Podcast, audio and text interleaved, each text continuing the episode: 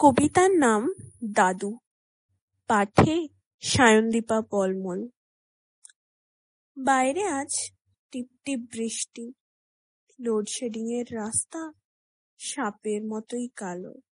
মন খারাপের আবছায়াতে লাগে না কিছুই ভালো। চোখ বন্ধ। হঠাৎ কানে ভেসে এলো মিষ্টি সে এক সুর। রামায়ণের শ্লোক তোমার, চিরদিনই মধুর। দাদু দাদু তুমি কোথায়? গল্প বলবে না? বাবুই পাখিগুলো তো বাসায় ফিরে গেছে অনেকক্ষণ। হয়তো জোনাকিদের আলোয় এখন সেরে নিচ্ছে সান্ধ্য ভোজন আমাদের লণ্ঠনটাও জ্বলবে ঠিক। তেলের অভাব তো মাত্র। দাদু তুমি কি খেলবে না আজ? সে যে আমার ছাত্র।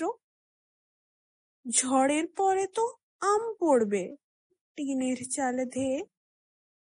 তোমার সাথে কুড়োতে যাব, বসে আছি পথ চেয়ে। আচ্ছা আজ তারারা আসেনি কেন? কে ঘুম পাড়াবে আমায়? দাদু, ওরা না এলে কে বলো তো তোমার কথা জানায়? দাদু, তোমায় আমি দেখতে পাই না আর। তোমার কথা খুব মনে পড়ে জানো? তুমি কি সেই ছেলেবেলার গল্পের মতো ওই তারাদের মাঝে থেকে আমার কথা শোনো? তাহলে দাদু, প্লিজ একটিবার তারা খসা হয়ে নেও। আজও আমি তোমার অপেক্ষায় রাস্তা দেখি যেন।